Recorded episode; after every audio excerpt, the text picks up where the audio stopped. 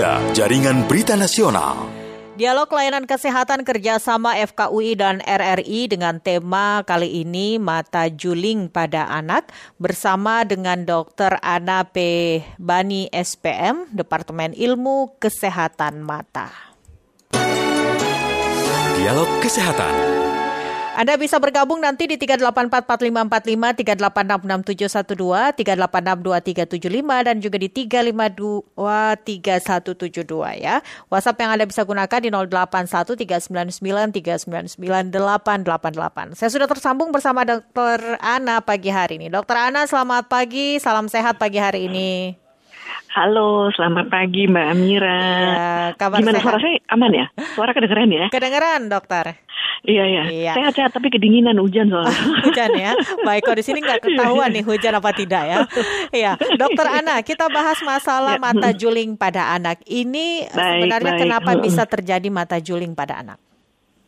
Baik, sebetulnya gini, jadi uh, apa mata juling itu penyebabnya bisa ada macam-macam. Ini kita bicara soal anak ya. Kalau yeah. misalnya kita bicara dewasa bisa macam-macam. Ini bisa hmm. karena stroke dan sebagainya. Tapi yeah. kalau pada anak-anak, basically ada uh, kontrol antara saraf dengan otot yang tidak berimbang. Hmm. Penyebabnya kenapa? Lagi sampai sekarang masih belum diketahui. Tapi juga mungkin sebenarnya yang penting kita tahu adalah bahwa juling itu bisa related atau disebabkan dengan eh disebabkan oleh koreksi kacamata. Hmm. Bisa. Artinya koreksi kacamata bukannya salah koreksi, tapi yeah. artinya dia sebenarnya ada masalah minus, plus dan sebagainya, tapi nggak ketahuan, nggak dipakaikan kacamata sehingga akhirnya anaknya muncul dengan juling satu yeah. bisa. Kemudian atau tajam penglihatan anak ada yang nggak bagus salah satu matanya, hmm. jadi burem atau mata malas dan sebagainya. Yeah. Kemudian bisa juga karena ada kelainan-kelainan yang sifatnya tuh di sentral atau di di apa ya di di otak. Misalnya ada anak dengan uh, cerebral palsy misalnya dia kelahir terus udah gitu mungkin kondisi kelahirannya nggak um, begitu bagus sehingga ada masalah pokoknya di gardu sentral kita di PLN di otak sehingga juga bisa meningkatkan risiko terjadinya strabismus. Ada sindrom juga mungkin itu sebagai yeah. yang penyerta. Kemudian juga mungkin kalau yang uh, apa ya mungkin yang ekstrim juga tumor juga bisa menyebabkan strabismus tapi mungkin yang paling banyak adalah memang itu adalah kelainan bawaan atau kelainan yang diperoleh dari masa kecil atau lahir yang tidak diketahui penyebabnya dan terutama yang mungkin penting kita ingat lagi tadi seperti yang saya katakan ya. bisa ada hubungannya dengan kacamata gitu. Hmm, hmm. Itu yang paling banyak terjadi makanya kita mesti agak hati-hati kalau uh, apa mungkin saya lebih senang menyampaikan penyebab-penyebab yang repairable ya artinya ya. yang sebetulnya bisa diantisipasi hmm, gitu. Hmm, hmm. Baik mungkin itu kayaknya ya. sih Mbak Amira. Dokter Ana kalau hmm. misalnya mata juling hmm, ini hmm. bisa terjadi pada hmm. anak usia berapa ya? Kalau misalnya bayi kan hmm uh, belum kelihatan begitu. Tapi kok makin ke sini ada beberapa kejadian, salah satunya juga tetangga saya anaknya step tiba-tiba beberapa hari kemudian langsung matanya juli. Iya, iya, iya. Jadi kalau soal waktu kejadian julingnya itu ada beberapa macam. Ada yang sudah dari lahir artinya kita bilangnya istilahnya adalah juling yang kongenital ya. Okay. Tapi pemahaman kongenital itu bukan berarti dia begitu lahir matanya langsung juling hmm. karena bayi itu boleh juling sampai umur tertentu. Oh, okay. Jadi uh, sampai umur 3 atau 4 bulan hmm. kalau ada anak dengan mata juling tapi julingnya tempo-tempo aja ya, nggak hmm. konstan ya, artinya nggak yeah, terus-menerus ada, hmm. itu masih sah sampai umur 4 bulan. Hmm, Jadi okay istilah yang namanya juling kongenital itu pada hmm. dasarnya adalah juling yang terjadi di bawah umur 6 bulan, hmm. tapi di atas 4 bulan, hmm. dan mungkin sifatnya relatif menetap gitu. Itu satu. Yeah. Kemudian ada lagi kebanyakan juling yang terjadi di anak-anak Indonesia itu kan adalah juling keluar ya. Hmm. Kalau di bule, yeah. ras yang Kaukasia, itu julingnya kebanyakan modelnya miringnya ke dalam. Jadi agak yeah. beda nih. Mm-hmm. Makanya tata laksana juga beda. Nah, untuk anak-anak baik juling ke dalam maupun juling keluar itu kebanyakan umurnya mulai muncul di dua setengah tahunan lah ya hmm. dua sampai tiga tahun gitu. Nah kemudian ada satu lagi yang yang tipenya dewasa. Tapi kalau yeah. um, jadi tadi pertanyaannya Mbak Amira ya hmm. jadi memang ada aja. Jadi memang ada yang sudah muncul dari bayi dalam tanda petik artinya di bawah enam bulan hmm. dan ada yang kebanyakan dari kita munculnya di umur dua tahun. Cuman kita masih agak hati-hati nih karena yeah. yang namanya muncul itu nggak selalu bentuknya kayak mata kanan yang miring ke dalam itu doang matanya yang kanan yang miring ke dalam. Artinya kadang-kadang juling tuh kadang ada kadang enggak kebanyakan yang orang Asia atau yang anak Indonesia itu justru model julingnya istilahnya adalah intermittent. Oh. Intermittent itu artinya jadi dia kadang-kadang cuma kelihatan pada saat lihat jauh nih, pas lihat yeah. jauh kok matanya kayaknya miring. Uh-huh. Tapi pada saat dia lihat dekat, pada saat fokus itu matanya relatif masih lurus. Ini yang kadang-kadang tricky ya buat orang tua. Artinya memang uh-huh. kita sebagai orang tua emang mesti betul-betul uh, apa ya um, concern gitu hmm. dengan uh, apa namanya mata mungkin miring atau mungkin kebiasaan anak misalnya melihat TV dekat kan mungkin kan kita suka bilang bahwa dek kamu apa sih nontonnya dekat ayo coba yeah. mundur tapi disuruh mundur dia maju lagi ke depan okay. itu bisa menjadi uh, apa menyalakan alarm kita harusnya ya hmm. uh, harusnya tuh kayak begitu. Baik, ya dokter Ana kalau kita lihat kan anak-anak hmm. kadang uh, hmm. misalnya mendekat seperti itu terus tiba-tiba matanya hmm. juling hmm. atau apa itu sebenarnya hmm. sebenarnya apa yang bisa kita lakukan sebagai orang tua? Uh, apakah ada terapinya hmm. atau apa dengan kondisi hmm. anak mata kita juling? Ada yang biasanya juling ke dalam, ada juga yang ke samping kiri atau kanan. Betul betul.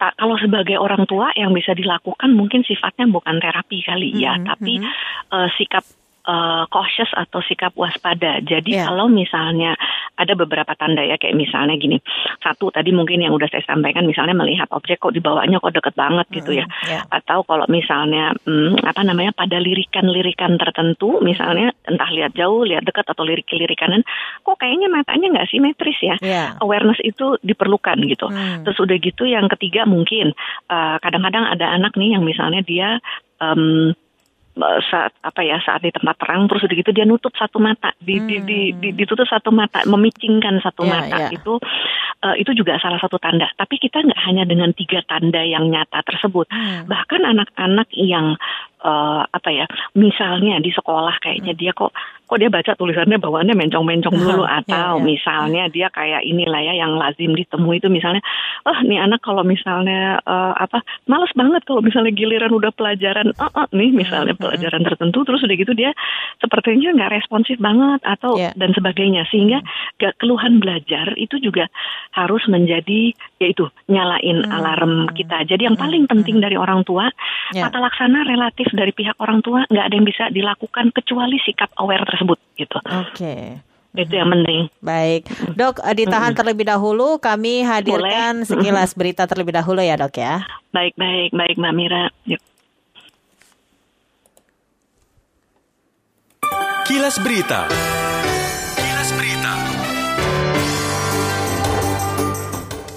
Kepolisian daerah Metro Jaya pada hari Rabu ini di tanggal 25 Januari memperlakukan adanya pengalihan arus lalu lintas di sekitaran gedung DPR MPR RI diharapkan masyarakat yang akan melaju ataupun menuju ke sekitaran gedung DPR ataupun MPR diimbau agar mencari jalan alternatif selama pengalian arus lalu lintas yang dimulai sejak pukul 8 waktu Indonesia Barat pada pagi hari ini. Untuk informasi ini dan informasi lainnya dapat diakses di laman resmi kami rri.co.id.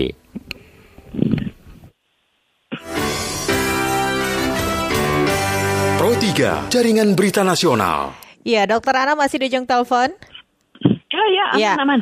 Baik, masih, Dokter Ana, kalau hmm. kondisi sebenarnya hmm. menghindari hmm. hal tersebut pada saat hmm. kita hamil hmm. seperti itu, apakah hmm. memang ini sudah hmm. ada caranya begitu? Hmm. Kalau misalnya hmm. mengetahui wah takutnya kita ada uh, keturunan atau apa, jadi menghindari anak ya. kita ke depannya terjadi juling pada matanya.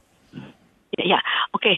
Um, menghindari nggak ada kebetulan. Hmm, Jadi ya. pada saat hamil memang nggak ada. Hmm. Kemudian yang kadang-kadang suka ditanya orang, nih mungkin saya salah naruh lampu nih waktu tidur. Percayalah bahwa strabismus itu ya, atau juling itu uh, bukan sesuatu yang uh, bisa dicegah gitu. Yeah. Artinya memang me memang ada kecenderungan. Artinya gini, kalau misalnya ada anggota keluarga kita yang juling, jadi memang ada risiko yang lebih tinggi untuk anggota keluarga yang lain untuk juling juga gitu. Hmm. Nah, yang itu bisa, cukup tinggi ya persentasenya, uh, dok? Nah, uh, apa soal persentase ini sebetulnya mungkin uh, nggak ada angka ya. Kita hmm. mungkin punya angka yang di untuk juling yang ke dalam. Jadi yang hmm. untuk juling yang ada di uh, Kaukasia di bule gitu itu yeah, katanya yeah. bisa sampai 25% persen hmm. risiko lebih tinggi untuk terjadinya juling pada anggota keluarga yang lain. Yeah. Tapi khusus untuk juling yang model kita justru yang Asia yang julingnya modelnya keluar yang intermittent tadi hmm. itu hmm, hmm. itu nggak uh, ada angka persis. Jadi kita baru tahu bahwa ada kecenderungan saja gitu. Mm -hmm. Tapi lagi memang untuk uh, mencegah uh, tidak bisa okay. gitu. Berarti memang yang uh, penting cepat terdeteksi. Sebenarnya mungkin kita kadang-kadang sulit ya untuk me, apa mencegah artinya dengan vitamin atau apa dengan hmm. apa atau misalnya kita di usia kehamilan kita bawa untuk uh, cek dan sebagainya itu nggak yeah. ada ya. hubungannya. Hmm. Yang bisa dilakukan yang namanya pencegahan adalah berusaha mendeteksi faktor-faktor risikonya kayak tadi itu. Yeah, yeah. Ada kacamatanya nggak sih gitu. hmm. gitu. Kalau karena emang ada kelainan kacamata ya kelainan kacamatanya kita beresin gitu. Hmm. Penglihatannya ada yang jelek satu nggak sih gitu. Kalau misalnya yeah. emang ada yang jelek ya ya mungkin kita koreksi gitu. Mm. Jadi pencegahannya tuh lebih dalam sifat seperti itu gitu. Pencegahan uh, dalam konteks mendeteksi lebih dini sih sebetulnya yeah. gitu. Baik. Nah, anak-anak mm yang dengan kelainan sorry tadi yang dengan kelainan sentral, yeah. misalnya ada anak yang kelahirannya uh, apa, um, misalnya dia ada uh, kesulitan napas atau misalnya dan sebagainya yang mungkin akhirnya berpengaruh terhadap sentral, mm -hmm. itu saran kita adalah anak-anak seperti itu memang proaktif harusnya di screening oleh dokter mata gitu hmm. karena mereka punya risiko hampir 50% anak-anak seperti itu dengan sindrom atau dengan cerebral palsy untuk uh, terjadinya strabismus gitu. Jadi lebih tinggi dibanding populasi anak-anak yang lahir normal gitu. Oke. Okay. Ya, baik. Berarti saat ini dokter Ana kalau misalnya anak kita sudah uh, terlanjur misalnya juling begitu ya, itu sebenarnya bisa sembuh nggak sih? Nah, lagi nih ada yeah. beberapa gaya nih Juling. Uh-huh. Jadi kita juga emang nggak bisa seperti sebagaimana semua penyakit ya. Emang yeah, kita nggak bisa pukul rata uh-huh. dengan satu jawaban gitu. Uh-huh. Jadi kalau misalnya memang ada juling yang related atau berhubungan dengan kacamata uh-huh. dan julingnya mungkin modelnya ke dalam, bisa saja kadang-kadang ada yang dengan koreksi kacamata julingnya menjadi lebih terkontrol dan lama-lama hilang. Ada hmm. yang model kayak begitu. Okay. Tapi ada yang berhubungan dengan kacamata hmm. uh, atau maksudnya terkontrol dengan kacamata tapi yeah dia relatif menetap sehingga akhirnya ujung-ujungnya adalah mungkin harus diperbaiki secara bedah. Hmm. Ada kelompok ketiga yang um, apa namanya memang dari awal kita sudah memprediksi bahwa ini mah nggak ada jalan lain, ini mah memang harus bedah gitu. Yeah, Jadi yeah. dia sebagaimana penyakit lah ya, ada yang solusinya dengan obat, ada yang bisa sembuh sendiri, yeah. ada yang terpaksa memang dengan pembedahan gitu. Hmm. Hmm, berarti memang hmm. uh, kondisinya tergantung dari anak juga benar, mungkin ya, benar. ya dok? Betul betul ya? betul betul hmm. oh, oh, Taylor betul lain-lain betul setiap kasus gitu. Okay. Nah Tapi itu paling nggak orang tua ada bayangan gitu. Hmm. Dokter Ana ya. itu dari segi makanan bagaimana ya? Apakah kan kata orang kalau mata supaya sehat makan wortel.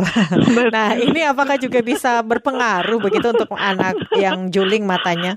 Iya iya iya. Nah. Kalau dalam konteks mungkin ada ya ini yang pengen seneng banget saya klarifikasi jadi uh-huh. satu untuk urusan kacamata yeah. dan urusan juling ini kan kadang-kadang suka bersahabat nih. Yeah. Bisa juga sendiri-sendiri sih. Uh-huh. Tapi yang pasti uh, apa namanya vitamin itu uh-huh. tidak mengubah um, kelainan kacamata seseorang. Jadi saya suka bilang sama pasien, Bu, Ibu mau makan wortel setengah kilo juga nggak ngaruh. Yang ada cuma kuning doang anaknya gitu. Yeah, yeah. Intinya adalah vitamin A-nya tetap diperlukan, tapi sifat okay. uh, eh, apa kebutuhan vitamin A itu lebih untuk metabolisme atau kesehatan mata, tapi bukan dalam konteks kacamata uh-huh. dan bukan dalam konteks juling gitu. Okay. Sama kayak vitamin C kita uh-huh. ya, maksudnya untuk menjaga supaya metabolismenya bagus dan uh-huh. sebagainya. Vitamin B pun uh-huh. begitu, tapi bukan dalam konteks kacamata dan juling karena itu masalah struktur atau masalah mekanik gitu. Betul. Ini gitu. yang perlu sebenarnya diedukasi kepada masyarakat juga karena banyak yang mengatakan bahwa banyak makan wortel uh, mata kita makin sehat gitu. Iya iya. Betul sih sehat uh -huh. dalam konteks itu suplementasi vitamin. Suplemen Tapi lagi berarti ya, suplemen, ya? Suplementasi uh -huh. vitamin. Uh -huh. Apa namanya tetap mesti atau makan itu mah sayur dan wortel tapi jangan uh, apa mungkin yang perlu dilempengkan sedikit adalah itu bukan dalam konteks menghilangkan minus minus plus atau meluruskan mata yang tadinya miring gitu. Mm-hmm. Itu aja sih barangkali gitu ya. Baik, baik. Dok, apa mm-hmm. yang bisa disampaikan ke pendengar kita mengenai mata juling pada anak? Terkadang kan ada orang tua yang jadinya hopeless mm-hmm. dengan kondisi anaknya seperti itu ya biarkanlah. Nah, ini apa yang bisa diberikan semangat atau juga mungkin tips uh, dari dokter supaya ya, bisa ya, ya, diperbaiki? Ya, ya, ya, Silakan. Aduh, saya senang hmm. banget ya sama pertanyaan Mbak Mira. Saya hampir lupa cerita soal uh -huh. ini. Jadi percayalah bahwa juling itu bukan bukan sebuah kelainan kosmetik. Artinya gini, kosmetik itu mungkin saya hidungnya baik-baik aja, cuma rasanya kurang mancung nih. Atau Yeah. misalnya kayaknya pipi saya lebar banget, saya kecilin. Itu operasi kosmetik. Tapi juling, gini, kita itu diciptakan, manusia itu diciptakan punya dua mata. Iya. Dan takdirnya, fitrahnya, memang dua mata ini harus menghadap ke depan dua-duanya. Karena kita butuh penglihatan yang namanya tiga dimensi, perlu penglihatan stereo untuk koordinasi kita beraktivitas sehari-hari, naik turun tangga, ngukur jarak dan sebagainya. Ya. Jadi ada purpose kenapa mata kita harus menghadap ke depan. Sehingga percayalah bahwa kalau ada posisi mata kita selain lurus ke depan itu salah. Artinya itu sebuah penyakit. oke. Dan penyakit itu harus diperbaiki mumpung ada jalan keluarnya dan itu bisa diperbaiki. Jadi nggak hanya harus juga bisa diperbaiki. Apakah perbaikannya dengan kacamata kah? Atau perbaikannya dengan bedah kah? Itu lain lagi gitu. mungkin kita itu beyond kali ya Ya, ya. tapi intinya adalah mungkin yang harus dipahami adalah bahwa itu adalah sesuatu yang salah. Artinya penyakit bukan kosmetik. Dua jalan keluarnya ada. Artinya bisa diperbaiki. Kemudian yang ketiga adalah tapi lagi ya bisa diperbaiki Ya. ini selalu nggak ada yang pasti di dunia ini tapi intinya adalah all in all sebetulnya itu adalah sesuatu yang treatable. Ya. jadi bisa di eh, apa dicarikan jalan keluar. Dan ketiga ada orang-orangnya yang bisa melakukan itu gitu melakukan perbaikan itu. Artinya gini akses untuk eh, apa namanya perbaikan strabismus itu sekarang eh, banyak ya. Maksudnya Ya. dokter mata mm, eh, sangat memahami itu gitu dan mm, apa namanya BPJS juga ada sekarang dan sebagainya. Ya. karena lagi eh, apa strabismus itu meskipun hanya sepertinya masalah mekanik tapi itu sungguh sebetulnya yang terganggu adalah fungsi penglihatan Hmm. dan yang kedua juga adalah fungsi yang kasihan adalah psikososial Ya. karena mungkin kita tahu banyak saya banyak banget dapat pasien yang eh, apa namanya anak-anak itu sekarang anak-anak SD aja tuh udah saling Ya. membuli dan itu kasihan sekali anak-anak Hmm, itu betul, betul. kalau saja uh, seandainya orang tuanya tahu atau mau berobat gitu Hmm. dan nggak menganggap bahwa itu alah cuman miring doang nggak buta Hmm. ini gitu. Kalau misalnya orang tua ini punya sikap yang lebih positif terhadap strabismus, Ya. uh, apa namanya akan masa depan anak tuh bisa kita sangat kita selamatkan gitu. Bukan orang tuanya loh ya, anaknya Hmm. Ya. ini yang penting. benar benar Gitu benar. kali. Iya. Iya. Ber- Berarti Kasihan, dalam hal ini kasihan. juga eh, orang tua harus tetap semangat begitu ya kepada anak dengan Iya. kondisi seperti itu ya, Iya. Dok ya. Mhm. Karena semangat ini yang cukup dibutuhkan kepada anak juga supaya bisa sembuh seperti itu. Betul, betul, betul, Iya. betul. Dan itu apa ada harapan itu tuh pasti akan sangat membuat apa ya anak tuh ya itulah semangat ayo yuk kita pergi. Sekarang itu trennya anak-anak yang berobat itu umurnya di umur remaja ya di 19-20 gitu karena mereka Iya. mungkin itu remaja udah cari pekerjaan, cari pacar dan sebagainya. Jadi sosialnya udah padahal sebetulnya strabismus itu kalau Aha. bisa Iya. justru the earlier the better gitu Oke. sebetulnya. Aha. gitu. Ya, dok satu Ya. lagi, mungkin pertanyaan Ya, dari boleh, boleh. orang tua juga ini bahwa anak zaman sekarang boleh, kan boleh. gadget selalu tuh di tangan. Apakah ini juga bisa menyebabkan mata juling, dok? Kalau menyebabkan sih mungkin bukan ya, tapi Ah. memperberat bisa. Oke. Jadi artinya dia udah harus punya potensi dulu gitu. Tapi Ya. memang gadget ini mungkin kalau gadget rela- eh, apa hubungannya lebih ke urusan kacamata ya. Ini Ya. emang ada sendiri harusnya ada sedikit eh, apa topik sendiri lagi tuh bahasannya mengenai hubungan antara gadget dengan kelainan kacamata. Akhir-akhirnya juga bisa berujung atau berhubungan dengan strabismus karena tadi saya bilang bahwa Ya. kacamata dan strabismus ini 11 12 lah maksudnya bersaudara juga gitu bisa saling menyebabkan gitu. Mhm. Baik. Gitu. Ya, Mm-mm, Dokter ya. Ana terima kasih atas waktunya bersama dengan Pro 3 di pagi Iya. hari ini. Sukses selalu ya Dokter Ana. banget. Salam Iya, sehat. Mbak Amira. Yo, Ya. sama-sama. Demikian pendengar dialog layanan kesehatan kerja sama FKUI dan juga RRI dengan tema mata juling pada anak bersama dengan Dr. Ana P. Bani SPM Departemen Ilmu Kesehatan Mata.